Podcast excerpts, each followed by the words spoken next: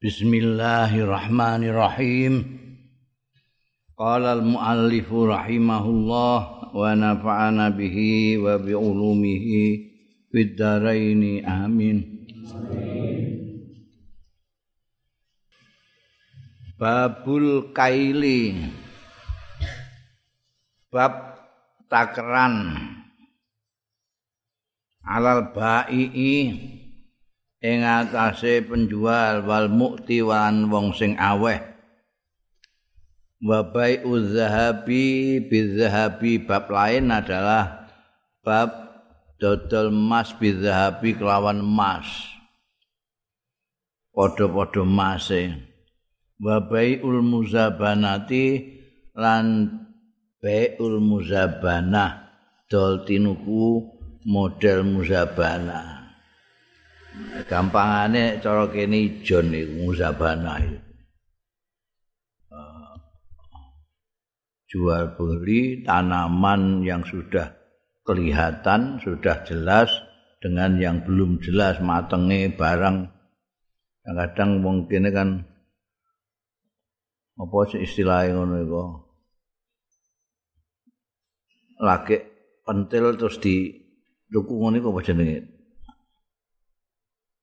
kaya gak roh kaya wong kutha ae. Ditebas, ditebas ngono kaya tebas. Kan belum, jelas itu. Bentuknya kayak apa? Iya nek gak dipangani codot kabeh. Anil Mikdam ibni Ma'di Yakrib radhiyallahu anhu Ma'di Yakriba macane ya, ghairu munsarif. Radhiyallahu anhu anin nabi saking kanjeng nabi sallallahu alaihi wasallam. Kala dawuh sapa kanjeng nabi sallallahu alaihi wasallam kilu ta'amakum yubarik lakum fi nakra sira kabeh ta'amakum ing panganan ira kabeh yubarak monuka diberkahi lakum kanggo sira kabeh apa fihi ta'amakum ya. Penting takel itu ora namung mbok nggondelok timbangane pira bobote pira nilainya berapa. Tapi ada berkah di sana. Jadi nek naker itu ada namanya kail ada namanya wazan nek wazan itu ditimbang wazan itu ditimbang ini berang kilo kan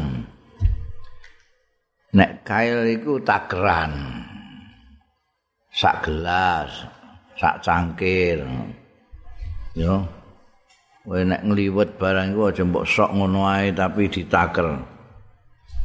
Pirang gelas? Wonge pira? Wae rong gelas cukup. Iku kil itu. Ini bukan hanya untuk memperkirakan di pangan bong piro tapi untuk mendapatkan berkah. Berkah dawe kancing nabi kilu ta'amakum yubar lakum fihi. Jadi diberkahi karo Gusti Allah. Jadi kan ono wong sing angger cauk-cauk-cauk berase ngono ae terus pususi. Ana sing modele ditaker sik caker. Nek wis duwe kebiasaan iki nek wong wong papat niku misale rak cangkir. Engko nek wong wolu ya orang cangkir. Iki nek wis biasa iso ngukur. Jadi orang ngantek kekurangan. Notamu mene ditaker. Upaya apa jenenge? Pas cukup terus malah barokah ya tambah-tambah. Kilu. Kilu ta'amakum yubarak lakum fihi.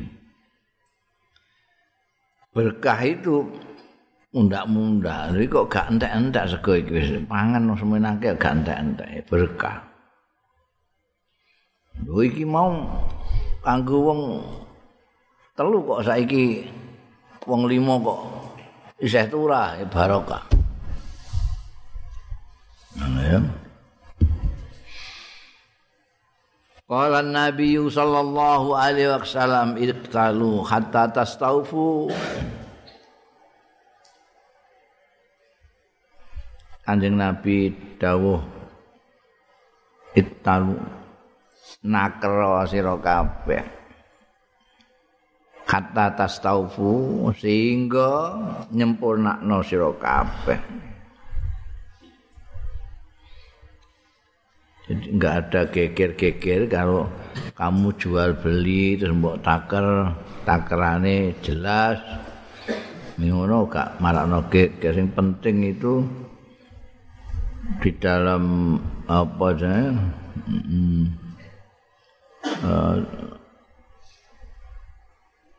jual beli ya muamalah antara kita itu yang penting jangan sampai ada yang dirugikan. Mulane gantuk baiul gharar gantuk karena merugikan. Eh, jadi nimbang naker sing sempurna, sing bener. Itu juga menyebabkan orang tidak rugi semuanya pada ridhonya. Wes mene ya. Tapi kadang-kadang wong iku mbah piye kelakuane? Kadang-kadang ana bakul iku sing naker iku. Takerane iku dibolongi ngisore. Terus tangane dilebokno ning bolongan iku jadi kacang ditaker iku wetoke munjung lho munjung nggih kula kaki munjung sampean kanca dhewe. Padahal iki disumpeli tangane ngene. Saiki mbok ana mbok ora mbiyen ngono iku umum. Jadi nek nimbang dikai watu nek nakel iku mau disumpeli kene wis dicekeli jempolane seneng kene. Iki kan mangan tempat kabeh iku. di isine ya kaya munjung ngono. Tapi isine mok sithik. Niku jenenge ora tas taufu. Hmm, iktaru kata tas taufu. Sampai betul-betul orang itu ngerti nek iku pancen takrane semono.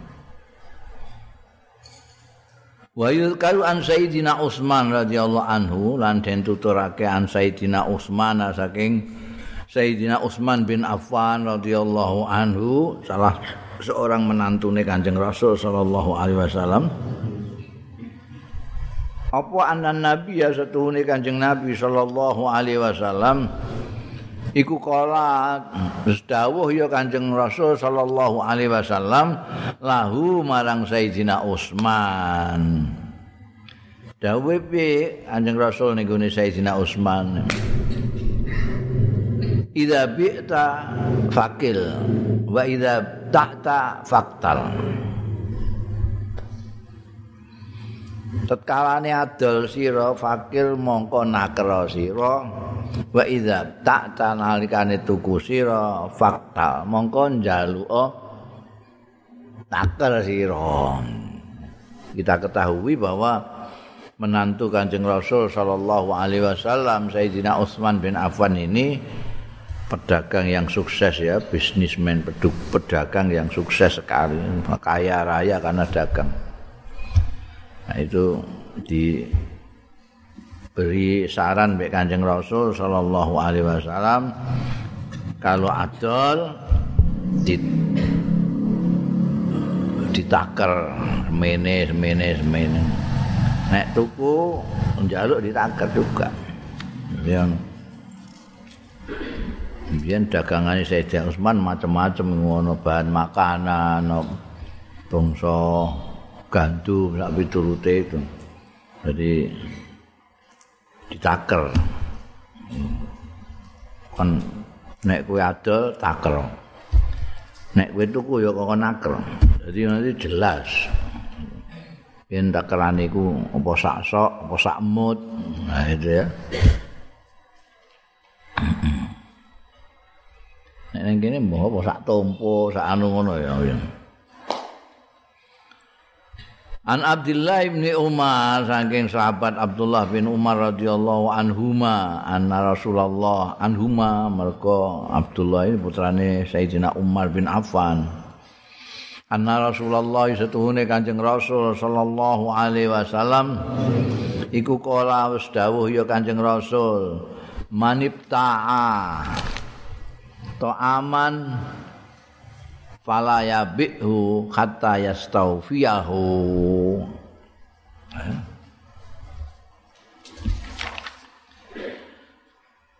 Man sapaning wong utahe sapaning wong ibta kang tuku nek baa adol nek ibta tuku ya baa adol ibta tuku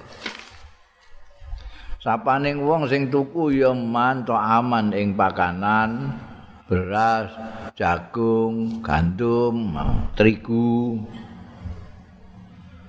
Fala yabihu aja ngedol neh sapa man hu ing to aman hatta yastaufiyahu. Sehingga amrih nyempurnakake ya man hu ing to am. Jadi Wong ditakrai durung kok wis didol neh iku. Wong kok kesusu men iku. Kulaan durung durung diduwi kadang-kadang iku wis didol neh. Iki ditakrai durung. Iki aku tuku iki ya sekilo. Ya taker sik sampai udah tampani baru dijual. Aja kok kesusu ngedol sak durunge ya staufiyahu. Aturane gitu aturane. Ini dol tinuku transaksi itu bukan hanya dijaga jangan sampai merugikan salah satu pihak tapi juga menjaga keberkahannya dari transaksi itu. Bukan Nabi Muhammad Shallallahu Alaihi Wasallam karena itu memberikan arahan-arahan di dalam transaksi nek dol tuku ngene iki gak oleh tak diembek iki gak oleh. Nek iki emeh mbok dol neh ya iki selesaikan dulu transaksi yang pertama ini. Kamu beli sudah selesai transaksinya dengan si penjual baru kamu jual kepada pihak yang lain. Ya engko aja ngantek gegeran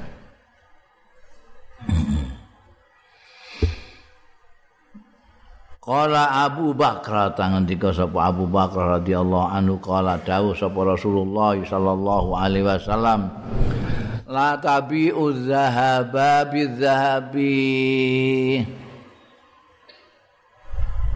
Kowe aja adol sira kabeh azhaba ing emas bidzahabi kelawan emas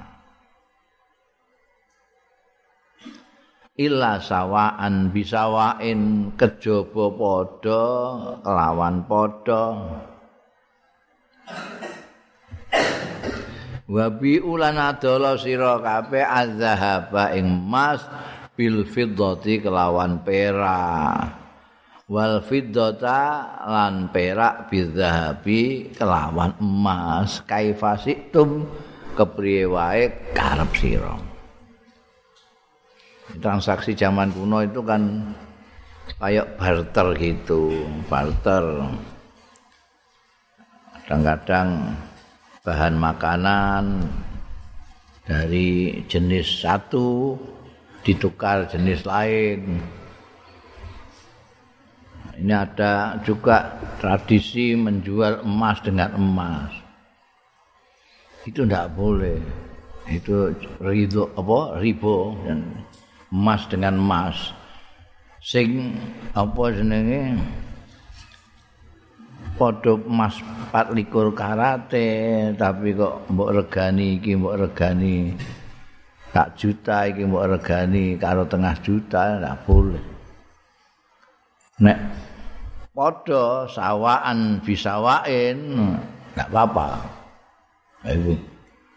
yadan biadin ada persyaratan-persyaratan ning ngene apa itu bagaimana supaya jual emas dengan emas tidak haram diperbolehkan itu ada persyaratan-persyaratannya. Harus sama. Ya, harus sama. Nah, nek beda ya gak. Nah, sing banget bedane ya nek emas karo perak iku wis terserah kowe ameh adol piye Wong perak itu lain dengan emas. Lain dengan emas. Nilainya lebih besar emas. Wong duit zaman kuno itu uang itu yang satu dinar itu pakai emas. Yang satu dirham itu pakai perak. Berarti sekian dirham baru satu dinar. Kowe tuku perak nganggo zahab ya kena, tuku emas nganggo perak ya kena. Bolak-balik terserah lah. Tapi nek emas dengan emas ndak boleh. Ripo. Harus sawaan bisawain. An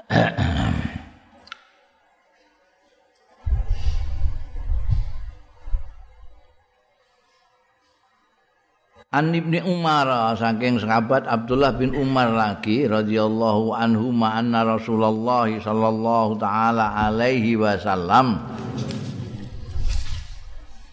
Kala mendika ya Rasulullah sallallahu alaihi wasallam. La tatabaya usamal hatta yabdu salahu aja dol tinuku sira kabeh atamra atamara ing kurma. Hatta yabdu salahu sehingga us katon apa salahu kepatutane tamar wala tabi utamara bitamari. Lan aja ada sira kabeh ing kurma bitamari kelawan kurma. Kurma mbok tuku mbek kurma. Piye cara tuku kurma mbek kurma mbok tuku? Ini yang disebut oleh ahli fikih al-muzabanah al-muzabanah.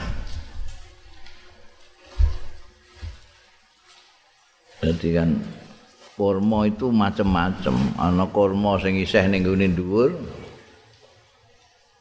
Iku jenenge rutop. Ya.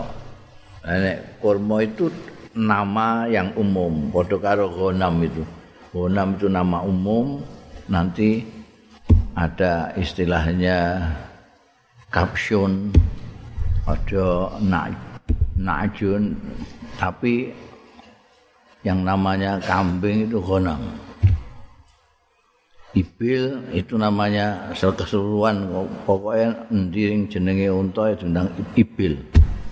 Tapi engko nek ana sing jenenge pintu labun itu unta yang begini. Ibnu labun yang seperti ini, nakoh yang seperti ini, daba yang seperti ini. Secara umum namanya ibil. Tamar itu namanya kurma. Ana sing kurma isih kemampu rutop ya. Ana sing kurma sing wis mateng semuanya disebut tamar. Nah, di dawu ini la tatabaya utamar hatta yabdua solahu. Artinya kalau sudah jelas ini sudah patut dimakan, patut dijual, patut dikonsumsi baru itu boleh. Nek ijeh kembang, kuwi kembangnya akeh ini kok mesti akeh kok entuk. Eh enggak bisa. Pentil aja enggak bisa karena belum yabdu sholah. Ku nek cara Jawa niku ijon niku. Enggak kentuk. Dodol sing durung yaitu karena menjaga jangan sampai ada pihak yang dirugikan. Kowe toke kaya wakeh nalika pentil. Mari-kari wis dituku ana angin gede rontok kabeh ora dadi kabeh. Rugi. Menjaga itu maka ada aturan rokok Kanjeng Rasul sallallahu alaihi wasallam jangan jual jual beli tamar sebelum sudah jelas ketok solahuhu. Wala tabi ulan aja adol sira kabeh at-tamara bitamri. Kowe duwe eh, simpenan kurma terus mbok mbok tukokno kurma sing isih ning gone wit-witan. Iku juga ana aturane dhewe iku ning gone bab muzabana iku. Baik utamer bitamer baik uzabib bil karam zabib itu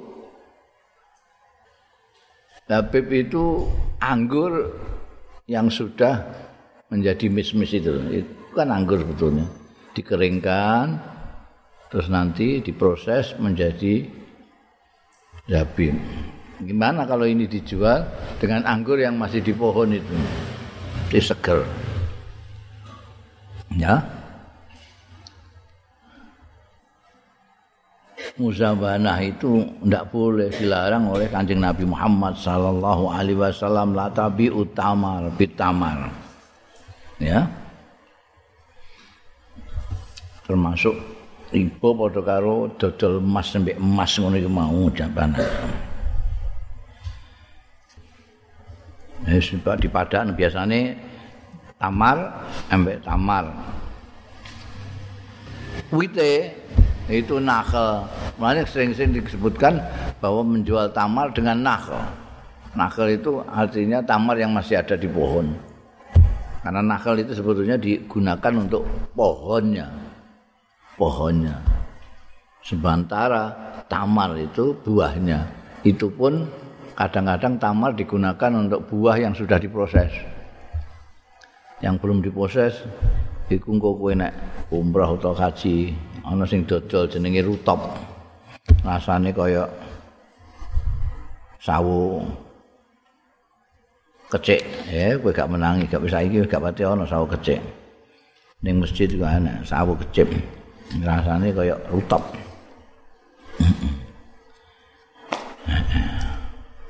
Mbah piye-piye niku ana wong tuku. Ya pancen kebutuhan orang macam-macam ya. Wong tamar kok tuku tamal dengan tamal. Dik niku duwe simpenan sing wis lawas ditukokno tamal sing anyar iku rutik. Ya padha anyare lha apa? Babun fil khiwala, bab khiwala. Khiwala itu biar dimaknani ngligirake, ngligir. Walah itu ngeligirno. Nah, kemudian di belakangan itu ada ono istilah wesel itu ayo kowe ya gak menangi juga wesel iku lah. Iki seka umum iki ono transfer saiki model transfer. Gak ono model hiwalah model apa jenenge? Wesel gak ono biyen dah pondok iku untuk wesel. Wah. ana papan tulisan bulan untuk wesel gua kayak jiko ning kantor pos dapat kiriman lewat wis kiwala wa anhu lan saking sahabat Abdullah bin Umar aidon halimane anna Rasulullah satune Kanjeng Rasul sallallahu alaihi wasallam. Kala dawuh sapa Kanjeng Rasul sallallahu alaihi wasallam matalul ghani zulmun. Utawi ngendi-ngendine wong sing wis mampu iku zulmun ngani hoyo fa idza udbi ahadukum tatkalane diligirake sapa akadukum dikon ngetutake sapa akadukum salah siji kabeh alamaliin ing atase wong sing sugih sing mampu Falyat bak mongko supaya ngetutno sapa ahadukum. Ini sing kiwalah sing nguri iki. Jadi ada dua ini matalul ghani zulmun embek idza utbi'a ahadukum ala maliin falyatba ada dua hal. Yang pertama itu matalul ghani zulmun wong utang wis iso bayar tapi ora gelem bayar-bayar. Iku zalim. Zulmun iku uh, asal maknane anaksu kurang jadi orang orang apa namanya sudah punya rumah sana nek utang. Itu kan akeh itu orang yang sudah nalika utang itu wah kaya yo yo ngrepo-ngrepo ya tapi bareng diweki wayahe nyaur itu. Dindindi jarene muni seminggu. Seminggu ora rong minggu ditagih muni sesuk sesuk muni sesuk eneh. Iku matal menunda-nunda orang yang sudah punya utang sudah waktu bayar ditunda-tunda itu jenenge matal matalul ghani Jadi goni ning kene ora maknane sugih. Mungkin dia ya ndak begitu sugih, tapi wis iso bayar gitu loh. Daripada kemarin, kemarin ndak punya sampai utang-utang. Udah diutangi dia nggak mau bayar. Padahal dia sudah mampu, goni dalam pengertian mampu membayar. Ini satu. Enggak boleh. Ora eling zaman nalika utang merengek-rengek ngono bareng wae bayar wangele ra karuan. Itu namanya ndak tepo sliro. Yang kedua fa iza utbi ahadukum ala maliin falyatba. Ana wong sing di A utang karo B. A utang karo B. Ya, sementara C iki duwe utang ning A. A utang ning B 1000 misalnya, A utang B 1000. Tapi C duwe utang ning gone A. Oh. Malah 1500. A terus kondo karo B. Kowe kowe ngene ae. kowe nageh ning gone anu sing 1000 iku nageh ning gone C. C duwe utang karo aku. Ya dilikirno. Itu nek kowe sing dadi B iku supaya mengikuti itu ya wis apa nama ini? Namanya ta'awun api-api anak ini kayak durung bisa bayar ini ya durung bayar. Kene ana kata-katane iza ut bi ahadukum ala maliin. Jadi C ini mali, artinya duwe lah, ampun. Lah nek dilikirno ning gone C sing ora mampu. Nek ndek utang ya gak bayar-bayar, mbok likirno kono. Eh padha padha wae lara kabeh. Mulane ana keterangane Malik sing kira-kira iso bayar. Ano. Lah kok mbok ligirno barang lha apa? Lah iku ditagih dhewe ra wis. Terus panggonane ada. Napa iki panggonane C iki cedak karo B. Timbangane karo A. Iku ae kok. Iku sak daerah mbek sampean iku iku duwe utang aku 1500. Jaluk ning kono 1000. fa idza utbi ahadukum ala maliin falyatba sunat untuk mengikuti itu aja moh bayar dhewe Nah, itu mengalami terus di zaman modern digunakan untuk wesel itu tadi. Oke ini wong tuane santri memberikan uang kepada kantor pos. Ini kayak wong ngutangi. Kantor pos nanti membayarkan kepada santri ini pondok.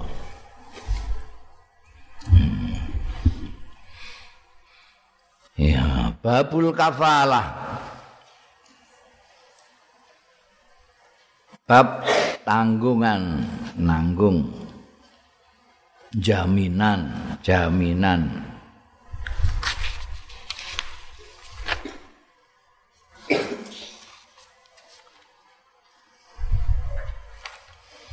An Abi Hurairah diriwayatake saking sahabat Abu Hurairah radhiyallahu anhu.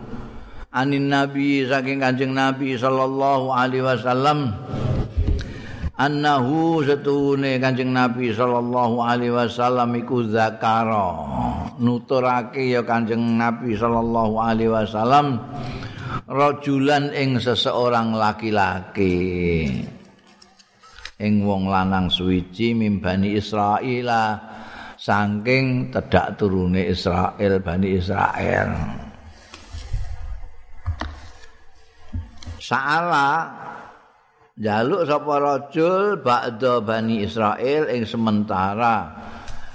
Bani Israel jaluk ing an yuslifahu ing yen ngutangi sapa ba'du Bani Israel hu ing rajulan alfa dinarin ing sewu dinar. Ini kanjeng Nabi mengisahkan tentang ada seorang laki-laki Bani Israel minta pinjaman dari seorang Bani Israel yang lain untuk meminjami dia seribu dinar. Fakola mengucap sopo ba'da Bani Israel? Nek kowe arep utang aku ya iktini bisyuhada nekanono sira kabeh kelawan seksi-seksi. Engko nek kowe terus celak orang aku nek utang gak ana seksine piye? Ya tekakno seksi sik engko tak utangi Soale engko ben ushiduhum nyeksekno sapa ingsun ing syuhada bahwa kamu pinjam saya seribu dinar. Akeh lho sewu dinar iki, duit emas ya. Ya nek seksine. Faqala mongko ngucap sapa rajulan sing utang mau. Kafa billahi syahidan. Cukup ah billahi kelawan Gusti Allah apane syahidan seksine? Cukup. Masa gak cukup Gusti Allah dadi seksi? Kafa billahi syahidan Kala ngucap sapa ba'du Bani Israel Faktini bil kafil. Nek ngono wongko nekanono sira ing ingsun nekakno sira ing ingsun bil kafil. Lawan wong sing jamin Nek saksi mbok cukup na Gusti Allah, saiki sing jamin. Ola. Jawab sapa rajulan kafa billahi kafilan. cukup billahi kelan Gusti Allah apane kafilan. Penjaminnya, ini jamin Gusti Allah enggak cukup loh, cukup. Loh itu eloknya itu terus sekolah. Ngucap sapa ba'du bani Israel. Sodakta. Ya bener sira. Ya bener. Seksimu cukup Gusti Allah. Penjamin cukup Gusti Allah. Pada fa'aha ilaihi. Mongko menehake sapa ba'dul bani Israel ha ing alfu dinar ilaihi marang rajulan ila ajalin musamma maring titi wanci kang ditentokake musamman kang ditentokake. Ya siki. Ya wis ah. Cukup. Gusti Allah dadi seksi Gusti Allah dadi penjamin. Cukup. Iki tak utangi 1000 dinar kok bayar kapan? Eh, saulan man ya saulan. 1000 saulan enak saiki kowe nek iso utang ngono ya. Gusti Allah mbok ngono.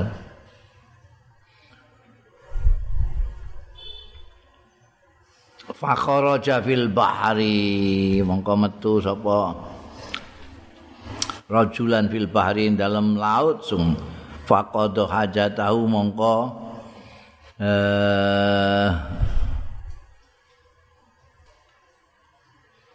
nekani ya rajul hajatau ing hajate rajul. Artine dia nyebrang. Jadi kalau kene ngono terus berangkat dia utang sewu dinar terus tinggu ambut gawe mau ning Kalimantan. Jadi kan metu segara itu. Ya fil bahri fakharaja fil bahri faqad hajatahu Summa iltamasa markaban yarkabuha. Mongko kari-kari golek sapa rajul markaban ing tumpakan perahu baik apa kapal. Yarkabuha sing iso numpaki sapa rajul ha ing markaban mau. Yaktumu alaihi sing iso nekani iya rajul alaihi ing atase ba'du bani Israil. Lil ajalil ladzi ajala ajalahu. Krana titiwanci sing ajalahu sing pancen netepno. Sapa rajul hu ing ladzi. Setelah dia kan Kalimantan segala macam urusannya sudah beres semua dagangan anu teh balik. Mau balik ke sini karena waktunya sudah sebulan. Dia sudah menentukan sendiri sebulan akan bayar. Pokoknya mangi satu Januari saya sudah akan datang ke tempat ini lagi. Saya Kalimantan bentar saja. Tanggal satu Januari tunggu di Taman Kartini. Saya oh, nak bayar nanti yang seribu dinar. Tapi falam yajid markaban, mongko ora nemu sapa rajulan markaban ing tumpaan. Kok gak ana perahu, gak ana kapal ini piye? Padahal iki wis tanggal 1 Januari jare. Iki wis payah. Wis titiwancine iki. Wis titiwancine bayar. karena ndak ada kapal, ndak ada apa-apa, ndak ada yang ditumpai untuk menuju ke tanah Jawa kene, nggo bayar utang sing wis sampai temponya itu. Akoda mongko ngalap sapa rajulan khosabatan ing kayu. Gak nemokno prau terus njikuk kayu. Fanaqaraha mongko ngrowoki ngrowoki nek bolongi ku antek tembus. Nek ngrowoki ora ngantek tembus. Dikrowoki ngrowoki sapa? Apa bahasa Indonesia yang ngrowoki Oh, kandhani mlebangi iku bolong. Mlebangi ku bolong. Bolongi kantek bolong. Oke ini tembus kono itu bolong ini ngerawoki. Ora ora tembus. Apa? Ketop-ketop berarti gak iso. Kowe takoki gak tau iso yo nah kan tuku kamus ra gelem kowe. Oh kamus. Antri kok gak de kamus. Kowe takoki piye cek? Heeh dikrawoki. Bareng wis dikrowoki faat khala fiha mongko nglebokno sapa rajul fiha ing dalem khosabah mau alfa dinarin ing sewu dinar mau. Utangnya kan sewu dinar. Jadi dia krowoki kayu itu sewu dinar dilebokno ning gone rawokan mau. Nek mbok bolongi lubangi lebokno kono ucul ning kono duwike. Eh, ngerti kowe? Dikrowoki nggo ada iki duwike terus dilebokno ning rawokan mau wa sakhifatan lan lembaran minhu saking rajulan ila sahibihi maksude sahifah itu gak lembaran tok ya surat lah digawe duit terus di embel-embeli disertai dengan surat sahifah ngono. Ila sahibihi kanggo kepada sahibnya bani ba'du bani Israel mau sing ngutangi. Summa zajjaja. Monggo kari-kari. Zajjaja nyumpeli dadi mau bar dikrowoki terus diseni dhuwit embek surat terus dileboni neh kayune mau dileboni ditutupno dhuwit karo surate iki mau. Terus malih kaya kayu sing waras piris ora bolong ora apa. Ditutupi dijejeli. Ya. Suma'ata mongko keri-keri nekani sapa rajulan biha kelawan saja apa khasyabah mau ilal bahri maring segara. Dadi maring segara embek nggawa kayu iku mau.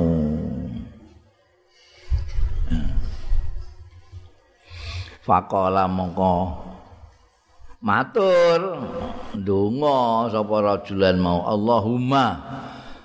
Duh Gusti Allah innaka ta'lam. Setune panjenengan menika ta'lamu pirsa panjenengan. Ani sak temene kula. Kuntu. Wonten kula iku tasallaftu utang kula fulanan ing fulan. Bakdo bani Israel mau lho alfa dinarin sewu dinar. Panjenengan pesop piyambak kula nggak ada utang tengene sederek kula fulan sewu dinar.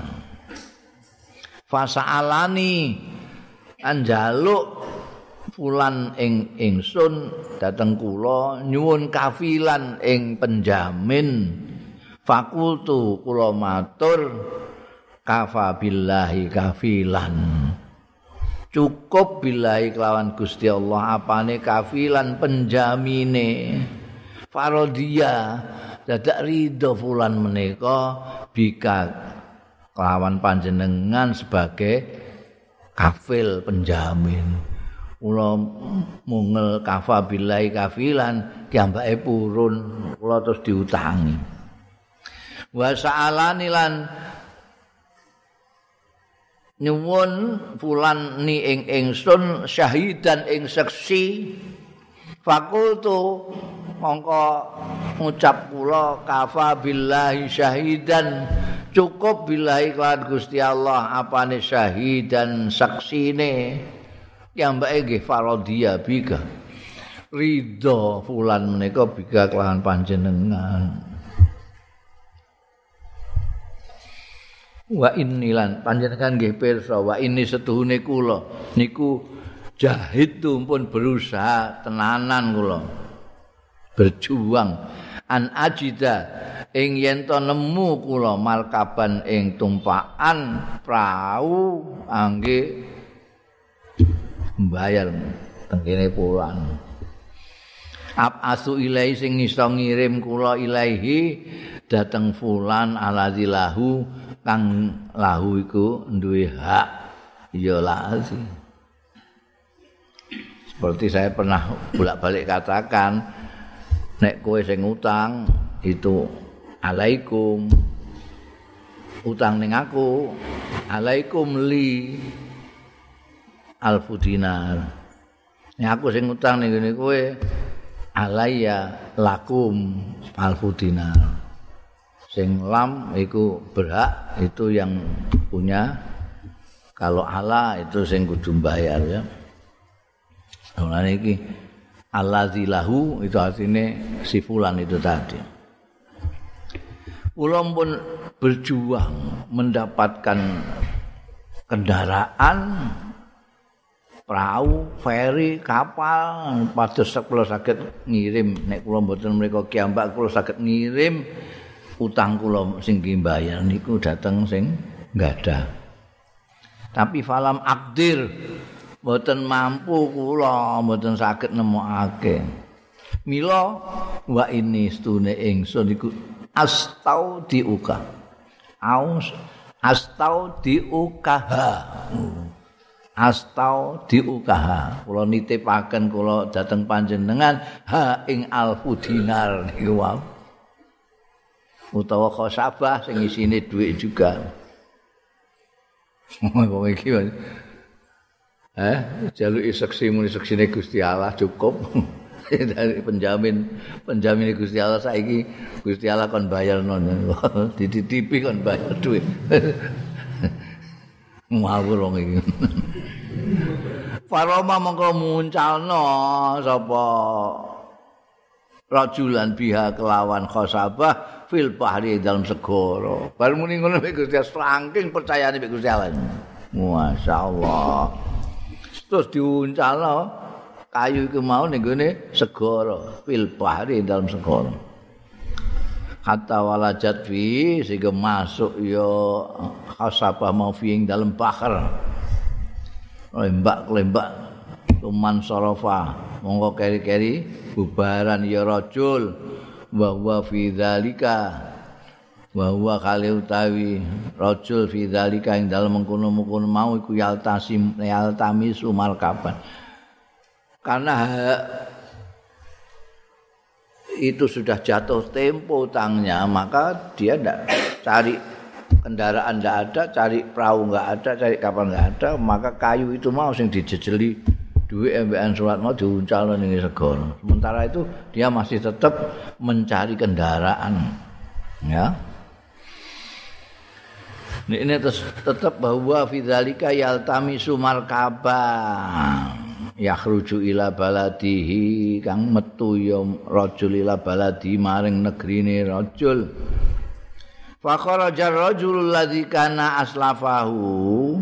Sekarang ganti yang fulan yang punya duit itu sing utangi mau. Fa kharaja moko metu sapa rajul mergo titi wancine sudah sampai. Aladzi kana kang ana sapa lazi ku aslafahu ngutangi ya lazi hu ing raja. Raja ki metu yang zuru ngenteni sapa sapa alazi alazi aja ben gak jumbuh embek rajul sing utang iki alazi ki rajul sing ngutangi. Metu dekne sing utang yang dulu ngenteni sapa lazi la'alla markaban mbok menawa ana kendaraan ana perahu apa kapal koja teman-teman teko ya markab bimalihi kelawan duwike bandane lazi muga titi wancine dadi ngenteni ning taman kartini kono. Eh kok gak ana perahu blas iki wayahe bayar utang jarene tak saiki iki ya wis wayahe iki Jadi ngenteni duit sewu dinari mau. Ngenteni gak ana perahu, gak ana kapal faizan mongko dumadaan bil khosabati. Ana kayu klembak-klembak. Alati fiya kang ana fiha ing dalem lati khosabah apa almalu bondo mau sing dijejeli dhuwit embekan sing ngutang mau. Fa akhadha mongko jika ngalap sapa lazi rajul ha ing khosabah li ahli kanggo bojone kanggo keluargane lazi khatoban sebagai kayu bakar eh kok ana kayu semegi beneran iki kayu ning kawon tek hmm. dijiko dikekno wong omah dinggo kayu bakar. Kene omah dilalae kayu entek iki ana kayu kemlembak jiko ae. Falam manasaroha mongko bareng graji gedine semono jare saya sih di dipecoki lah. Emeh dinggo apa? Geneni pawon itu kan jadi semono gede ini agak cukup pawon jadi di grajeni palaman nasaroha bareng graji.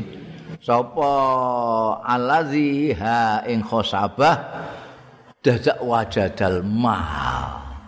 Nemu sapa rajul al mala ing dhuwit sewu dinar wasakhifata lan surat iku mau eh, La ilaha illallah iki, iki surat kok ancaku sing ngutange kaya ngono. Bawa nek diadai ana surate kok. Saya ini belum bisa datang maka ini mudah-mudahan sampai ke tanganmu. Ini tulisan Bawa. Suma Engkau keri-keri kodima teko sapa alladzi kana aslafuhu. Saiki teko tenan untuk kendaraan saja ane teko. Ya, awise kayu terus teko. Qadima alladzi kana aslafu sing ngutangi sapa ladzi hu ing rajul. Lah iki ladzi kabeh iki. Sing qadima iki alladzi, alladzi ku rajul sing utang. Ya.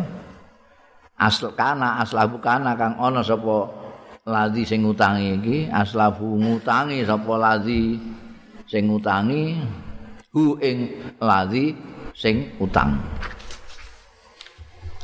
Walhasil teka wong sing diutangi wae teka. Bentuk perahu ketoke.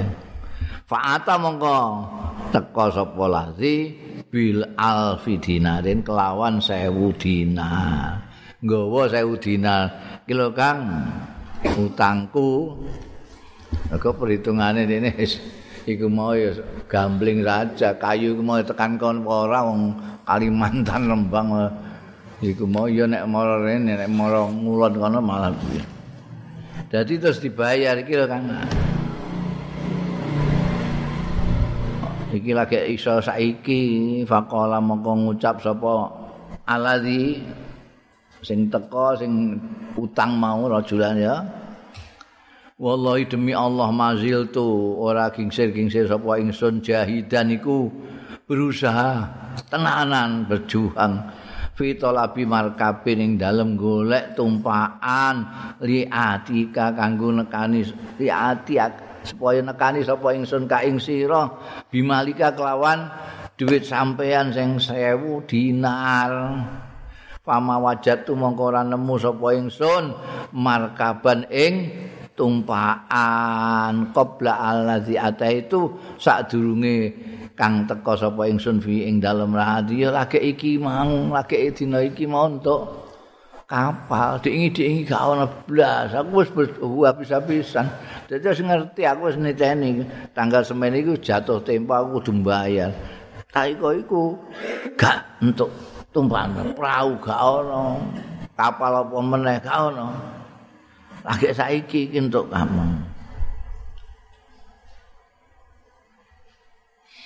Jadi terus itu dibayar sewu. Ya pikirannya ya iku mau mau dinggo apa? Netepi janjine sing nganggo saksi Gusti Allah ngono ae. Duit sewu iku ilang-ilangan pokoke. Mula jenggo dik saya di aturna sing ngutangi mau. Kala ngucap sapa? Allazi aslafau sing ngutangi, sing ngutangi ngono ae lho ya. Kala ngucap sapa sing ngutangi mau. Hal kunta ba'asta, ana ta ana sampean sira iku ba'asta. ngirim sira ilaya marang ingsun bisain. Kelawan suci-suci apa sampean ngirim ilaya marang ingsun bisain kelawan sesuatu Wes sadurunge iki kowe ngirim sesuatu ning gone aku. Ora ngucap sapa sing utang iki mau sing utang. Uh biruka wong kandhani ngandani sapa ingsun ka ing sira anilam ajit markaban. Stune ingsun iku lam ajit ora nemu sapa ingsun markaban ing tumpakan qoblal ladzi jitu fihi sadurunge kang teka sapa ingsun fi ing dalem ladzi saiki iki. Lah ya aku sekar pura ngono golek kendaraan wingi-wingi ku mergo aku ngerti wis wayahe mbayar. Aku golek kendaraan sing iso tak tumpaki ning nggonmu utawa tak titipi dhuwitmu. Tapi gak ono. Dadi aku gak ngirim apa-apa, gak entuk kendaraan. Ibu wis lali menawa iki. Hah? Ngirim kayu bareng wis lali ini. Kola terus ngucap sapa sing ngutangi iki. Fa innallaha mongko stune Gusti Allah iku kot ada teman-teman nekake sapa Allah angka eh? angka kangking sira Alladzi ba'asta kang ngirim sira fil khosabati ing dalem kayu. Fansarif mongko budalana sira bil alfi dinar kelawan sewu dinar rosidan. Ale pinter wis. Jadi artinya ojo bayar ojo bayar nih wong iku kirimanmu meliwat kayu iku wis sewu dinar wis tak tompo. Gusti allah sing nekan jadi ame bayar nih iku wis ora gawa. Ngono itu keyakinan yang luar biasa. Jadi hadis ini menunjukkan bagaimana orang itu ikhlas baik yang minjami maupun yang pinjam. Sama-sama ikhlas dalam pengertian tidak ingin nyidrani. Itu kan sampai segitu besar tanggung jawabnya ketika dia punya tanggungan kepada saudaranya. Dan akhirnya terus menarik sekali itu. Ceritanya kan unik banget itu. Hingga sampai kayu bisa ngelembak-ngelembak ke Kalimantan dengan Taman Kartini kan luar biasa itu. Oh, eh? Itu itu segala macam dipasang sampai Gusti Allah. Anjir ya ya nek saiki ngono ya diarani wong gendeng iki ngono.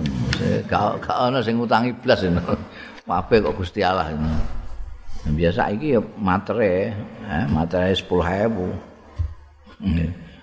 Mbok wong kon anu Gusti Allah ya gak ngandel kabeh wong ngono. Heeh.